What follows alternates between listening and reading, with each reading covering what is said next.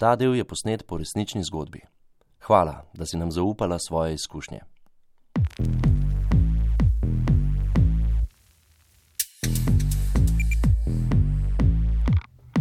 Živijo, jaz sem Eva.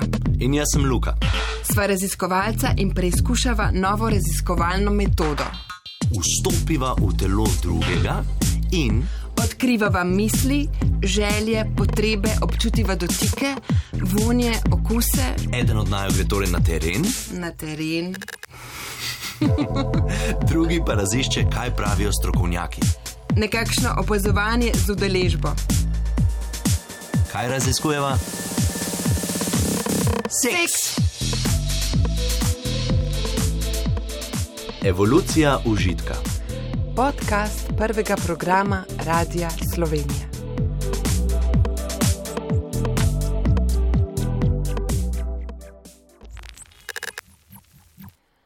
Živijo. Jaz sem Manja. Imam mehkega otroka, kar me trenutno popolnoma okupira. Zelo rada sem mama, super sem mama, ampak res mi pobere veliko energije. Njegov oče ne živi z nama, drugih partnerjev trenutno nimam, tako da je. Ja, seks je trenutno na pauzi. Tako pač je v življenju, treba se znati prilagajati. In jaz to res znam. Sem se morala naučiti. Mm, Pri 28 letih sem imela nesrečo, v kateri sem si poškodovala hrbtenico v prsnem delu. TH5, 6. To je kar visoko. Približno tri leta sem bila v izolaciji, sama sabo in zdravstvenim osebjem. Vsi smo se ukvarjali z mojo rehabilitacijo. Pravijo, da se v prvih dveh letih po poškodbi povrnejo funkcije, kot pač se. In jaz sem vse čas verjela, da bom spet hodila. Ampak poškodba je bila huda, živci prekinjeni. Od takrat uporabljam voziček.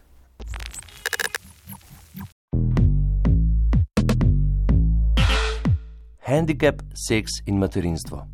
O tem lahko veliko pove Moje ime je Urša Valič, eh, po izobrazbi sem doktorica antropologije, sem mama dveh otrok, eh, sem tudi oseba z invalidnostjo, imam krajšo nogo že od rojstva, imam hodilni aparat. ki je upravila kvalitativno raziskavo o tem, kako materinstvo doživljajo ženske s handicapom. Jaz sem v bistvu raziskovala materinstvo in v bistvu identiteto. Kako v bistvu neko materinstvo uh, hendikepiranih žensk oziroma žensk z invalidnostjo vpliva na to, kako same sebe dojemajo, kako dojemajo svojo spolno identiteto, se pravi neko to družbeno spolno identiteto. Kako v bistvu družba tudi razume na vse zadnje pač to uh, spolnost in spol hendikepiranih invalidnih oseb. V svoji raziskavi je upravila več poglobljenih intervjujev. Zelo različne zgodbe so bile, ne? to moram priznati, da so bile zelo različne, tudi zelo različne življenjske situacije in ženske so imele nekje od 24 do 65 let. Ne? Seveda tiste, ki so bile starejše, so se srečevali s čisto drugimi problemi, predvsem s problemi, da jih sploh so sprejemali, da so jih sploh razumeli. ne. Drug, do čim mlajše so imeli že drugačne izkušnje, kar, kar pomeni, da se tudi družba sama pač nekako spreminja ne, v tem dojemanju, kaj sploh zmore neka hendikepirana oseba, kaj pa ne. ne. Poškodovano imam motoriko in senzoriko. To pomeni, da od sredine prsnega koša navzdol ne čutim nobenih dotikov, ne vročine, ne mraza. Moja koža ni več organ, s katerim bi zaznavala svet okrog sebe. Pod kožo pa so neki občutki, neki mravljinci, ne znam opisati z besedami. Čutim recimo, da imam noge, ampak jih enostavno ne morem premakniti, kot da bi bile zabetonirane. Kljub temu veliko lahko naredim sama, ker sem zelo organizirana in iznajdljiva. Imam tudi zelo dober spomin.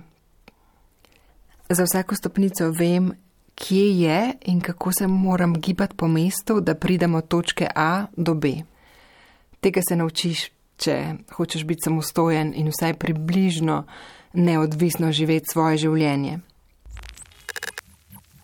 Ena stopnica je lahko za ljudi, ki uporabljajo voziček, nepremostljiva ovira. Ljudje, ki nimajo lastne izkušnje, to težko razumejo, razlaga dr. Urša Valič. Zato morajo biti te stvari urejene sistemsko.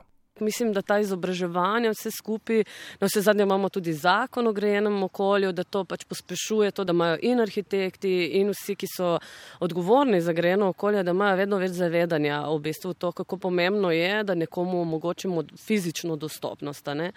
Ko pa govorimo o dostopnosti, je treba povdariti tudi to družbeno dostopnost. Se pravi, neko, neko možnost, da osebe z invalidnostjo, zdaj ne govorim samo osebe z invalidnostjo, tukaj ne mislim samo osebe na vozičku, mislim tudi slepe osebe, gluhe osebe, osebe z gluho slepoto in tako naprej, pa z drugimi nevrološkimi težavami, da imajo možnost v bistvu participirati v družbi. Se pravi, biti ne samo neki pasivni člen, člen, ampak tudi aktivni člen. Se pravi, nekdo, ki so odloča o tem, v kakšnem okolju bo živel, ne, družbenem okolju, grajenem okolju in tako naprej. In to se mi zdi zelo pomembno. Ker se večkrat spregleda, ne? vsi želimo delati za nekoga drugega, imamo ta paternalistični odnos do oseb z invalidnostjo, ne damo jim pa besede, da same pač želi, naredijo nekaj zase.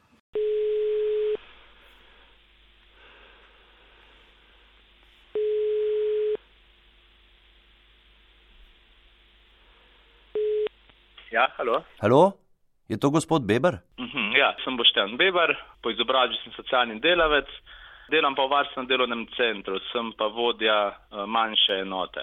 Tako da sem vsak dan v stiku, v bistvu delam z ljudmi, z odraslimi osebami s posebnimi potrebami. Tudi z njim smo se pogovarjali o vključevanju ljudi s handicapom v širšo družbo, ki je ključno, da ovržemo predsotke in stereotipe.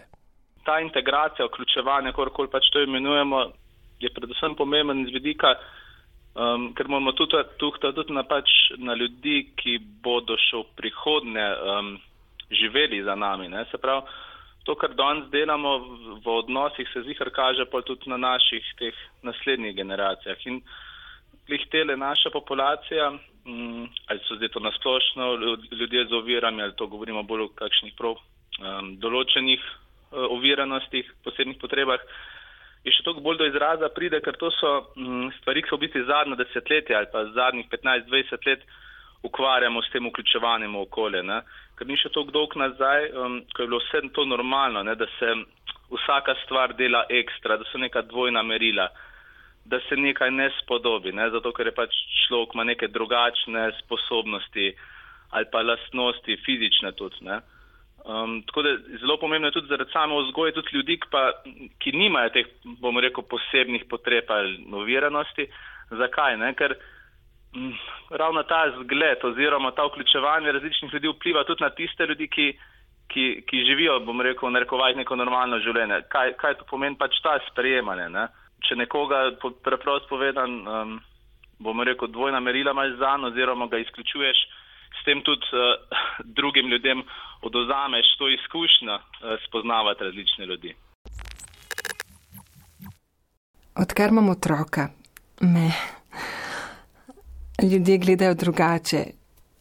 Ne vem, z nekim razumevanjem. Veseli so zame, da sem lahko mama. V smislu, da imam vsaj to lahko v življenju, da je moje življenje vsaj kaj vredno, predtem sem bila za njih kot en vesolc. Sploh niso vedeli, kaj bi z mano, kam bi me dal. Gledali so me s takim pomilovanjem v očeh. Zdela sem se jim Boga. Za njih nisem bila več ženska, ampak nek uh, srednji spol, nespolno bitje.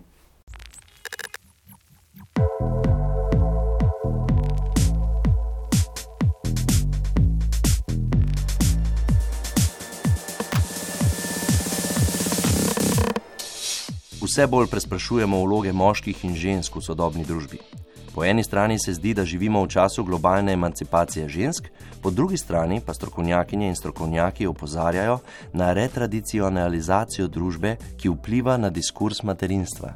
Kar mi je bilo recimo meni fully zanimivo, fascinantno je bilo to, ne, kako so v bistvu ženske govorile o tej skrbi za otroke in tako naprej. Ker na koncu vidiš, da ne obstaja samo en način. Ne? Da obstaja teh načinov več in da se ljudje pač praktično znajdemo, če je potrebno. Ne? In tako so se tudi te ženske znašle uh, v, v, novi, v tej novi vlogi, ne? ki je zelo, v bistvu na nek način tudi problematična. Ne?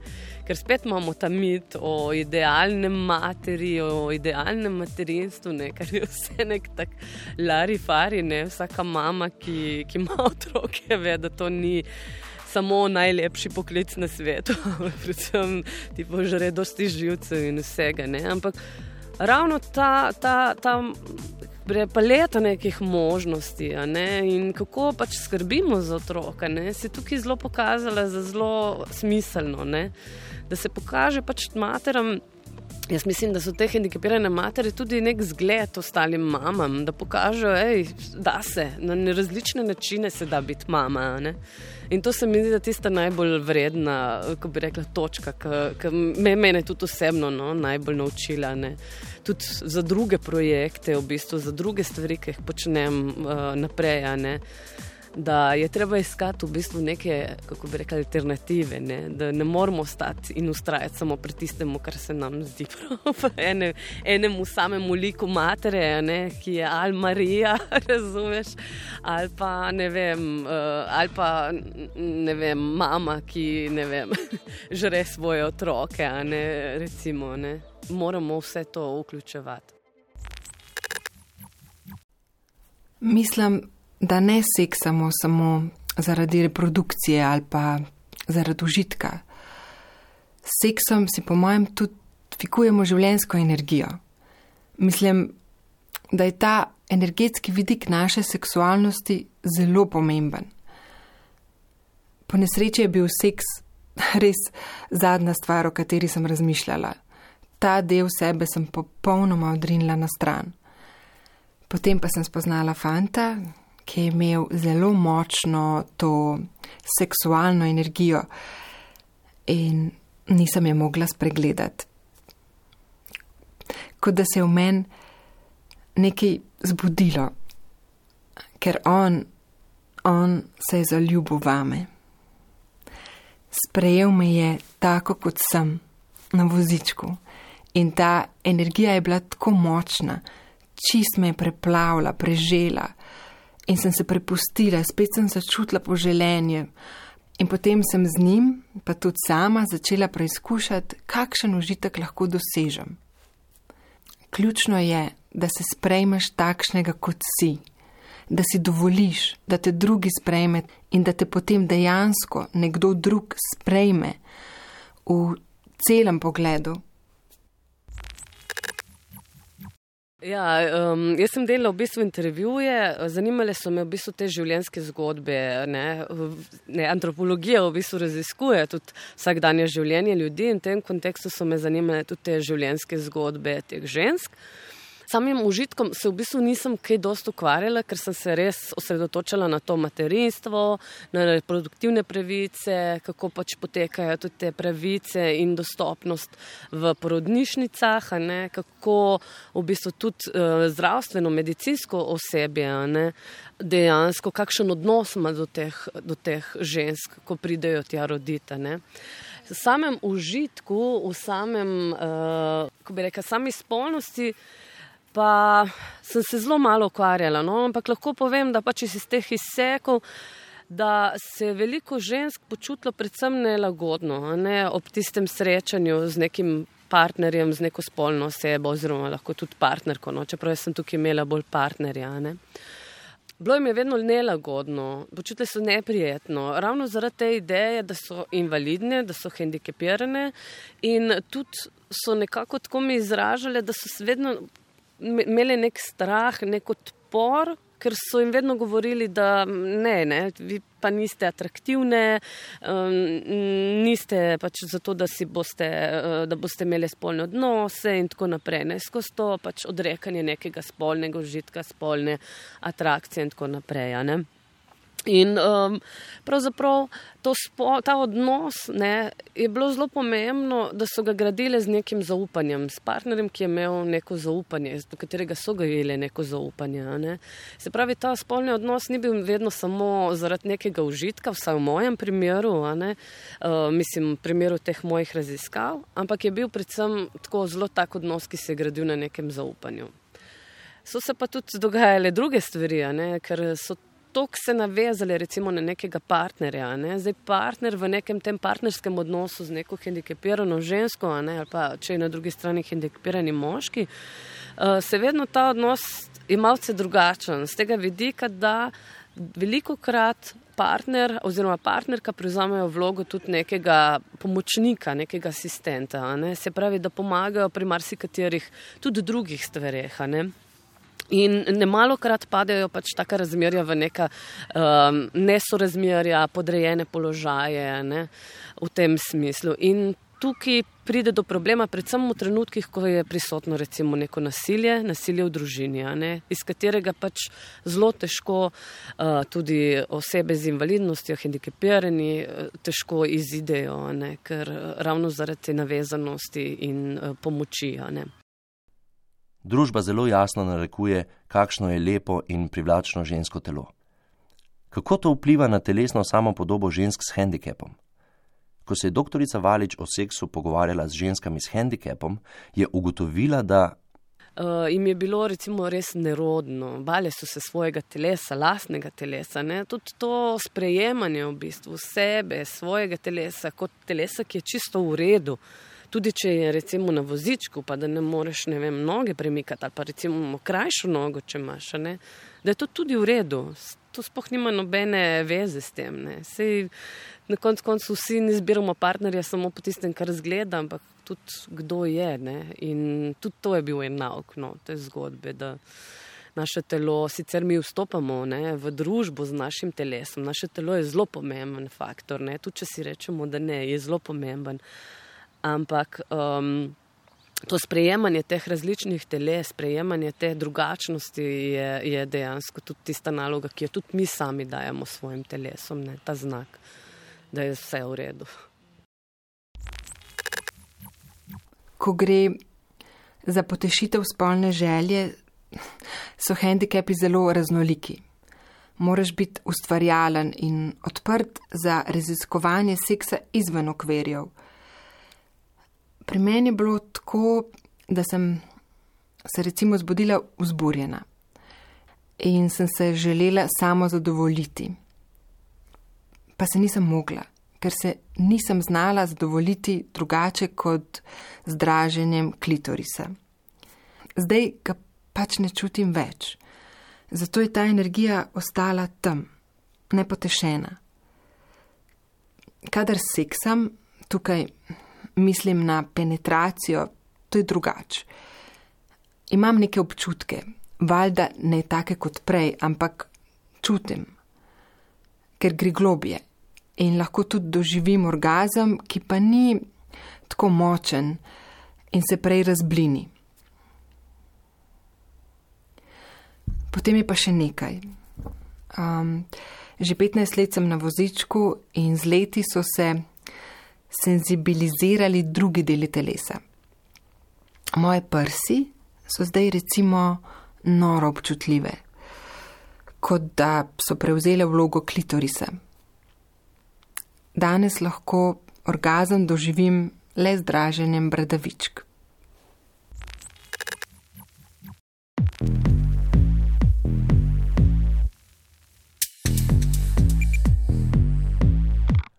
Užitek lahko dosegamo na zelo različne načine. Neurolog profesor dr. David B. Vodušek za osebe s handicapom pravi: Oni so pač osebe z določenimi značilnostmi, tudi omejitvami, in eh, spolnost praviloma ni vključena v to motno. Je pa problem zato, ker zaradi te osnovne motne lahko težje udejanjajo svoje spolno življenje, se ne počutijo morda privlačne ali pa uh, imajo tudi objektivne težave z pridobitvijo partnerja. Da ne govorimo o tistih uh, invalidnih osebah, ki imajo motne gibanja, recimo ohromitve, kjer gredo težave tako daleč, da ob sicer zdravi spolnosti pravzaprav ne morejo niti do samozadovoljevanja priti. Le redki so tisti, ki lahko, da tako rečem, spolno zadovoljitev dosežejo čisto psihično, mentalno. Uh, to so čiste izjeme. A morda obstaja kakšna spletna stran za ženske s handicapom, kjer bi lahko našli konkretne nasvete o tem, kako imeti zadovoljujoče seksualno življenje. Ena spletna stran je Sexuality and Disability, prav namenjena uh, ženskam, no? ker mislim, da se bolj ukvarja s temi ženskami, spet na eni strani reproduktivnimi pravicami, potem uh, pravicami LGBT partnerstva, tako no, na tak način. Mislim, se mi zdi, da mogoče preveč gledamo iz, tega, iz te prizme pravica, ne, kot pa iz nekega tega uh, samih nekih. Ne vem, uporabnih nasvetov. Vem, no. Kot pravi doktorica Valič, največ izvemo iz osebnih pripovedi. Te pravice so na neki deklarativni ravni zelo jasne, zelo odprte, razumevajoče. Ne. Ko pa pridemo do družbe same in tega, tukaj se pa vidi, da ta le, kako bi rekla, mentaliteta je toliko let uh, se nalagala, vplivala na nas, nas oblikovala, ne, da v bistvu skoraj družbenih, družbenih teh razumevanj, konceptov, da zelo težko jih spremenjamo, ne? če nismo dovolj sami aktivni v tem. Ne? Se pravi, da neko svojo tudi vsebne izkušnje ne, povemo in jih pokažemo. Ne? Uh, ne samo raziskave, ne? jaz pravim tudi, ne, da morajo same osebe pač to uh, povedati in pokazati. Uh, jaz sem Jrnej Hazimali, sem univerzitetni diplomirani socialni delavec in sem trenutno uh, vodja bivanja oziroma vodja institucionalnega varstva uh, na Zvezi Sonček. Ne delamo samo na delavnicah, ampak uporabnikom pomagamo tudi pri praktičnih izkušnjah, ko je to potrebno, če tega sami ne zmorejo. Pojasnjuje, da pomaga tudi ženskam, eh, se tudi parom, recimo, ne, ko gre za gibalno viranost, eh, pride do situacije, ko sta dve osebi par, ki sta v bistvu pa toliko gibalno virani, eh, da dejansko ne zmoreta samostojno spolno občevati. Včasih tudi se ne zmoreta, tu govorimo o čisto osnovnih zadevah, se ne zmoreta niti sleč, ne zmoreta se božati. In potem jim je potrebno v nekih situacijah pri tem enostavno pomagati. Zdaj pa, če gre to enostavno samo zato, da nekoga lahko slečeš, ga daš v isto posteljo, daš v nek položaj, kjer se lahko dotika, medtem ko tako daleč, da bi pa pri samem spolnem aktu uh, pomagali, to pa še v Sloveniji um, jaz ne poznam, no, da, da bi kdo tak bil. Med nosečnostjo sem bila kar precej zaskrbljena, kakšen bo moj porod. Sem mislila, da tudi maternica ne bo delovala, vendar je pri porodu moje telo v bistvu samo naredilo skoraj vse. Vse. To me je res presenetilo. V porodnišnici so bili vse čas v pripravljenosti za carski res, ker si seveda želijo, da tako porodnica kot dojenček preživita. Ne, da sta zdrava. Carski res je za njih v tem smislu najvarnejši način. Ampak moje telo je vse naredilo samo, noro, kako smo narejeni, kako delujemo. Ko gre za naša telesa, še vedno velja Sokratova izjava: Vem, da nič ne vem. Ja, zdaj, kar se tiče moje raziskave in teh um, nekaj žensk, ki sem jih intervjuvala, so imele v bistvu vse zelo dobre izkušnje. Le ena je zaupala um, neko zgodbo o tem, kako jo pravzaprav zdravnik um, ne silo, ampak predlago recimo splav, ne, v tem primeru, ker ne bi, naj ne bi mogla skrbeti za otroka. Ampak to je bil edini primer. V ostalih primerjih so v bistvu vse imele zelo dobro izkušnjo s porodnišnico. Je pa res, jaz imam tudi svojo izkušnjo iz porodnišnice, da sem eh, naletela v bistvu tudi tako na mal. Eh, kako bi rekla, neznanje no, z neka, strani nekaterih uh, pomočnic, sester in tako naprej. No. Uh, čež da ne vejo in da ne znajo v bistvu pristopati uh, k tem stvarjem. Mislim, da materinstvo res razširi biti ženska. Z otrokom se je v meni zgodil nek razcvet, kot da se je sklenil krok, ki me je izpolnil. Zdaj sem celovita. Vsaj jaz to tako občutim, ker gre za res to popolnoma nesebično ljubezen, ki se je ne da drugače izkusiti kot v odnosu z otrokom. In ta telesna povezanost, kot da si z otrokom eno telo, kot da je tvoje telo kar naenkrat širše, bolj občutljivo, vsi čuti so bolj izostreni. In vse preneseš, kot da imaš super moči. Zelo sem srečna, da sem to doživela. Je pa res, da so mi starši ogromno pomagali, ker žal nisem super junakinja. Dojenčke nisem mogla sama dvigniti ali pa se z njim odpeljati na izlet dokler ni bil dovolj velik, da je sam zlezel v avto in se pripel, sta mi morala pri teh stvarih pomagati starša. Invalidne osebe veliko krat ne dojemajo ljudje, družba kot neka spolna bitja. Dojemajo jih kot invalidne, kot nesposobne, kot tiste, ki morajo biti nekje tam v kotu, primeru tiho in tako naprej.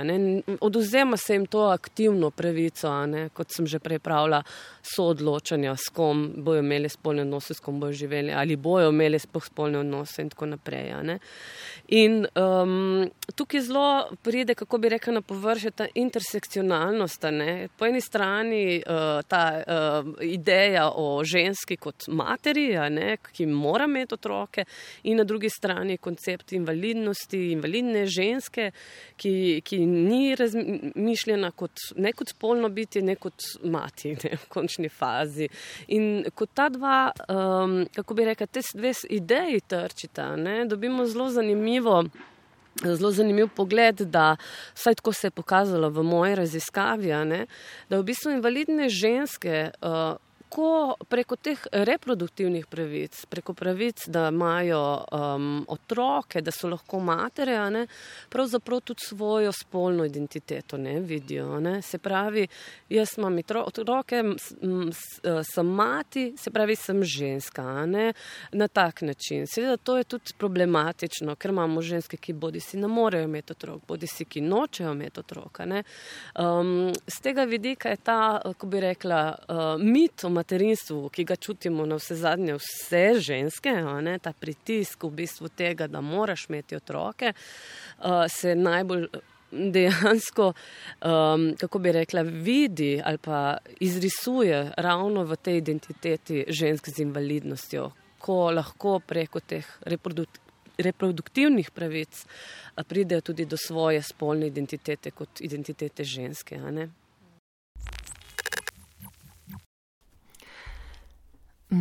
Moji doma o spolnosti niso nikoli govorili, zelo so bili zaprti in zadržani, nikoli nisem videla, da bi se poljubila.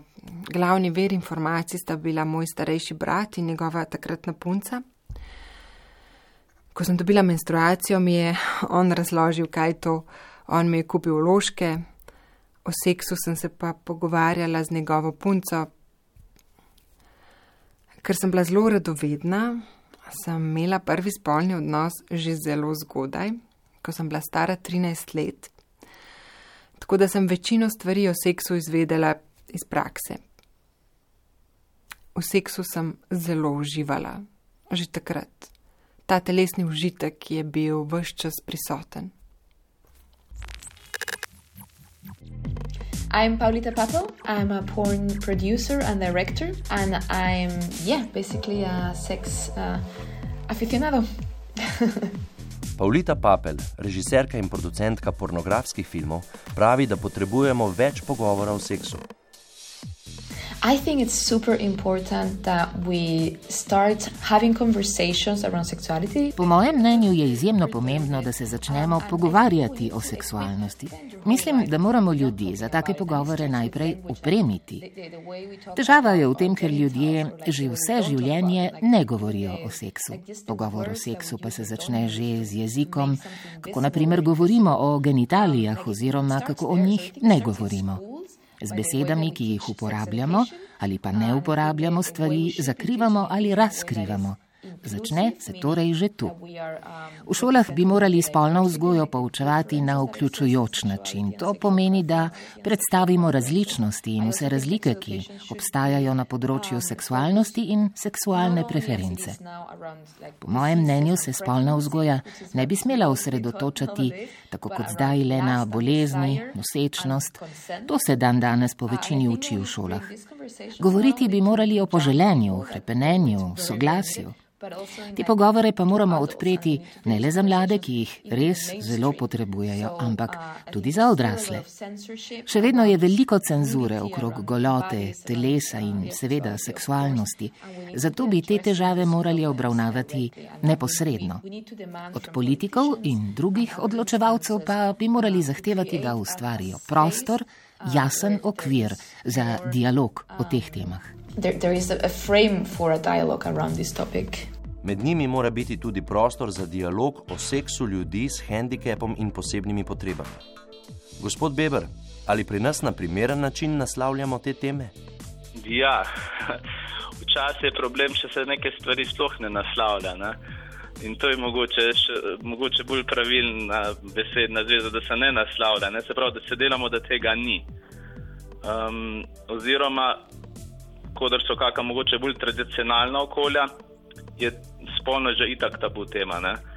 Če pa govorimo o spolnosti ali pa v kakršnih koli partnerskih odnosih, na splošno, je pa pri teh um, osebah, za katere se mogoče to ne spodobi, pa se ne verjame, da imajo te potrebe po, po dotiku, po spolnosti, po kakršnem koli užitku, je pa še tu kveča tabu tema. Um, tako da. Ja, kako se pa s tem ukvarjati, je pa to zelo, zelo, mm, bom rekel, individualno. Ne? Ker tudi, kot vsi ljudje, ali smo to ljudje, ki imamo posebne potrebe ali jih nimamo, vsak zelo drugače sprejema to spolnost, oziroma ima tudi te potrebe po spolnosti. Za nekoga je že spolnost že sam dotik, za nekoga je pa spolnost samo spolni odnos. Ne? Tako da, um, tako kot je zmeri na koncu, ko se pri svojem delu ukvarjam rečemo, z odraslimi ljudmi, ki imajo posebne potrebe, ko se o nečem odločaš ali pa ko nekaj delaš s človekom. Ne? Na koncu zmeri prideš do tega, da tako kot bi naredil pri sebi, oziroma pri katerem koli drugem človeku, boš enako ravnal tudi pri človeku, ki pa rab več razlage.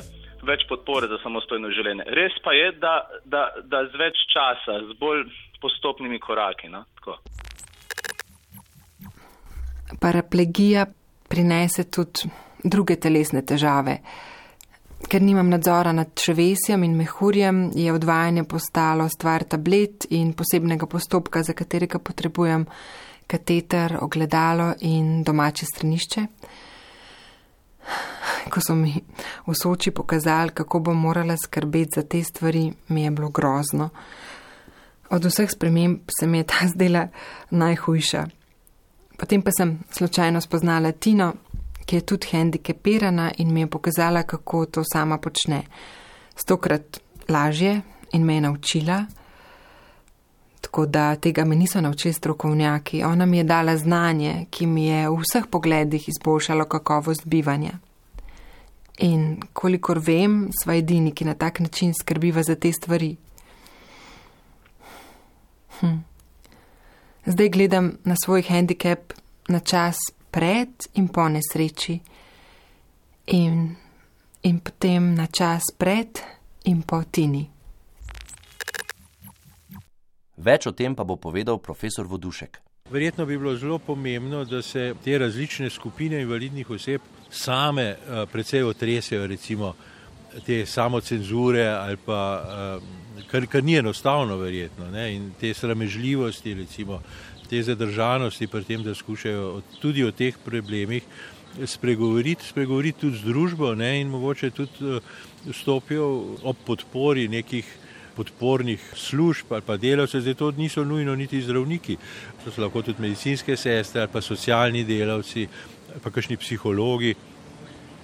Skratka, da se neka kombinacija civilne družbe in stroke združi kot partner sogovornikom, da tako rečem, na drugi strani, kakšne so možnosti za izboljšanje. In prvo izboljšanje se mi zdi, bi bilo v tem, da bi se o tem sploh začeli pogovarjati, da bi se stigma zmanjšala, da bi tudi splošno družba sprejela ne to kot nekaj uh, uh, dobrega, da tako rečem, kar pomaga tem uh, osebam bolj polno zaživeti ali pa sploh, hm, kako bi rekel, dejaniti svoje potencijale, kot se temu reče. Tako da že to bo velik uspeh za začetek. Kaj pa še vse ostalo narediti, je pa pač vprašanje nadaljnih rešitev, iskanja nadaljnih rešitev. Kot pravi, bi tudi zdravniki morali razširiti svoj pogled. Pacijentom je motna spolnosti lahko celo v spredju njihovega recimo nezadovoljstva in trpljenja, medtem ko zdravniku, ki je pa soočen z njegovo boleznijo, gre pa za čisto druge prioritete. Ne. Tukaj moramo, mislim, da zdravniki spremeniti način miselnosti, da ni, ni vedno nujno najbolj važno tisto, kar mi mislimo, da je, ampak moramo prisluhniti pacijentu. Meni se zdi, da so moški zelo vizualni. Zelo malo je takih, ki jih handicap ne moti, ki ga sprejmejo. Bi rekla, da približno 2%. In tukaj notri sta dve skupini. Taki, ki recimo seksa niti ne rabijo, ki ta telesnost sploh ni pomembna, ki so nad njo, so že om na neki drugi stopni. Druga skupina so pa tisti, ki so sami na nek način poškodovani in se bolje počutijo, če so z žensko na vozičku. Tako da dobivajo vse čas neko potrditev, da so oni v redu, ker imajo ob sebi nekoga, za katerega se jim zdi, da je še na slabšem. Za takšne prej sploh nisem vedela, da obstajajo, ampak večina moških pa ne more biti z žensko s handicapom. Pri eni sogovornici no, je, je povedala, da v bistvu se je odnos, ko je zbolela za multiplo sklerozo, zelo spremenil. Da je partner sam sebe zelo spremenil, se nje zelo oddaljil, se distanciral v bistvu od tega, uh, teh problemov, no. kar se veliko krat tudi zgodi, no, uh, po mojem, tudi zaradi teh. Ne vem, ljudje so pač prestrašeni, šokirani, ne vejo, kako bi išli iz tega. Ne? In zato se pa pol tudi umaknejo ali pa um, v bistvu zasedejo neko tako zelo obramno pozicijo ali ratajo nasilni, ker niso več navajeni v bistvu na partnerjevo, v bistvu. Nekako trenutno nezmožnost. Ne? Vse vemo, da se marsikaj da, če se hoče, pa če se dogovorimo, pa če je nek tak uh, zelo odprt odnos. Ne? Ampak dostkrat pač nekateri ljudje niso pripravljeni sprejeti, jih je strah, uh, ne vejo ne? in zasedajo pač to neko obramno pozicijo. Da rato ali nasilni, ali pa da se pač iz razmerja umaknejo. Se pravi, se pač ta zveza prekine, ker ne čutijo več do sebe isto. Ne. To se To, se, to ni stvar samo oseb z handicapom, ne. to je pravzaprav, kako bi rekla, vsak to neki, v neki točki svojega življenja doživi, no, v nekem partnerskem odnosu. Ne. Veliko velik razmišljam, kaj to pomeni, da si ženska. Ali si kot ženska nujno seksualni objekt? Odkar uporabljam voziček, sem seksala z dvema. Potem pa sta bila še dva, ki sta mi pokazala, da sem za njiju celovita oseba, ampak se ni nič zgodil, ker ni bilo prave priložnosti. To je to, štirje moški v 15 letih. Zame je to čist nekaj drugega kot pred nesrečo. Takrat bi rekla, da si me je poželel vsak drug moški, skoraj vsak pa me je opazil in si me je tudi ogledal. In teh pogledov sem se dobro zavedala, Ves čas sem jih čutila na sebi. Včasih sem se zato oblekla v tri plasti oblačil, dobesedno sem se skrila, ker sem potrebovala odmor. Ker enostavno nisem želela tisti dan obstajati v svetu kot predmet poželenja.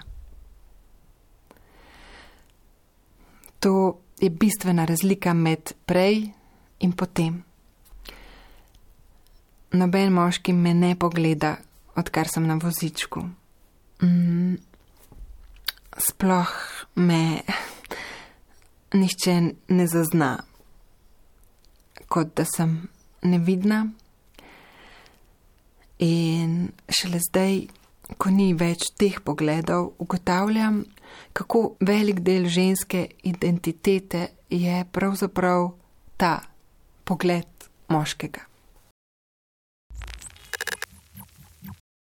Ja, seksualne pravice recimo razumemo bolj v kontekstu teh reproduktivnih pravic. Ne? Se pravi tega, kako pravice do rojstva otrok ali pa do ne, ne rojstva otrok, ne, tudi to.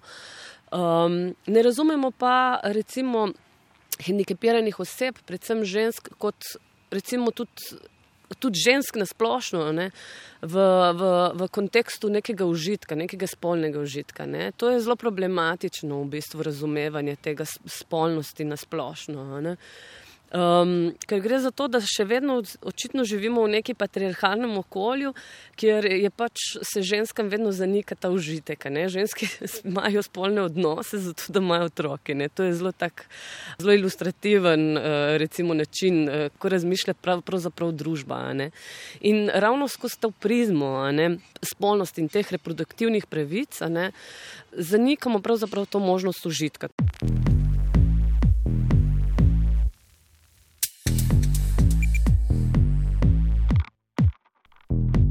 Eva, Eva, hej. Mm, Luka, hej. Mm. Um, čak mal. Čak mal, da si uredim misli. Te čist razumem. Um, se mi zdi, da smo zdaj pogledali v ene svetove, za katere sploh nisem vedel, da obstajajo. Ja, pa še veliko jih je.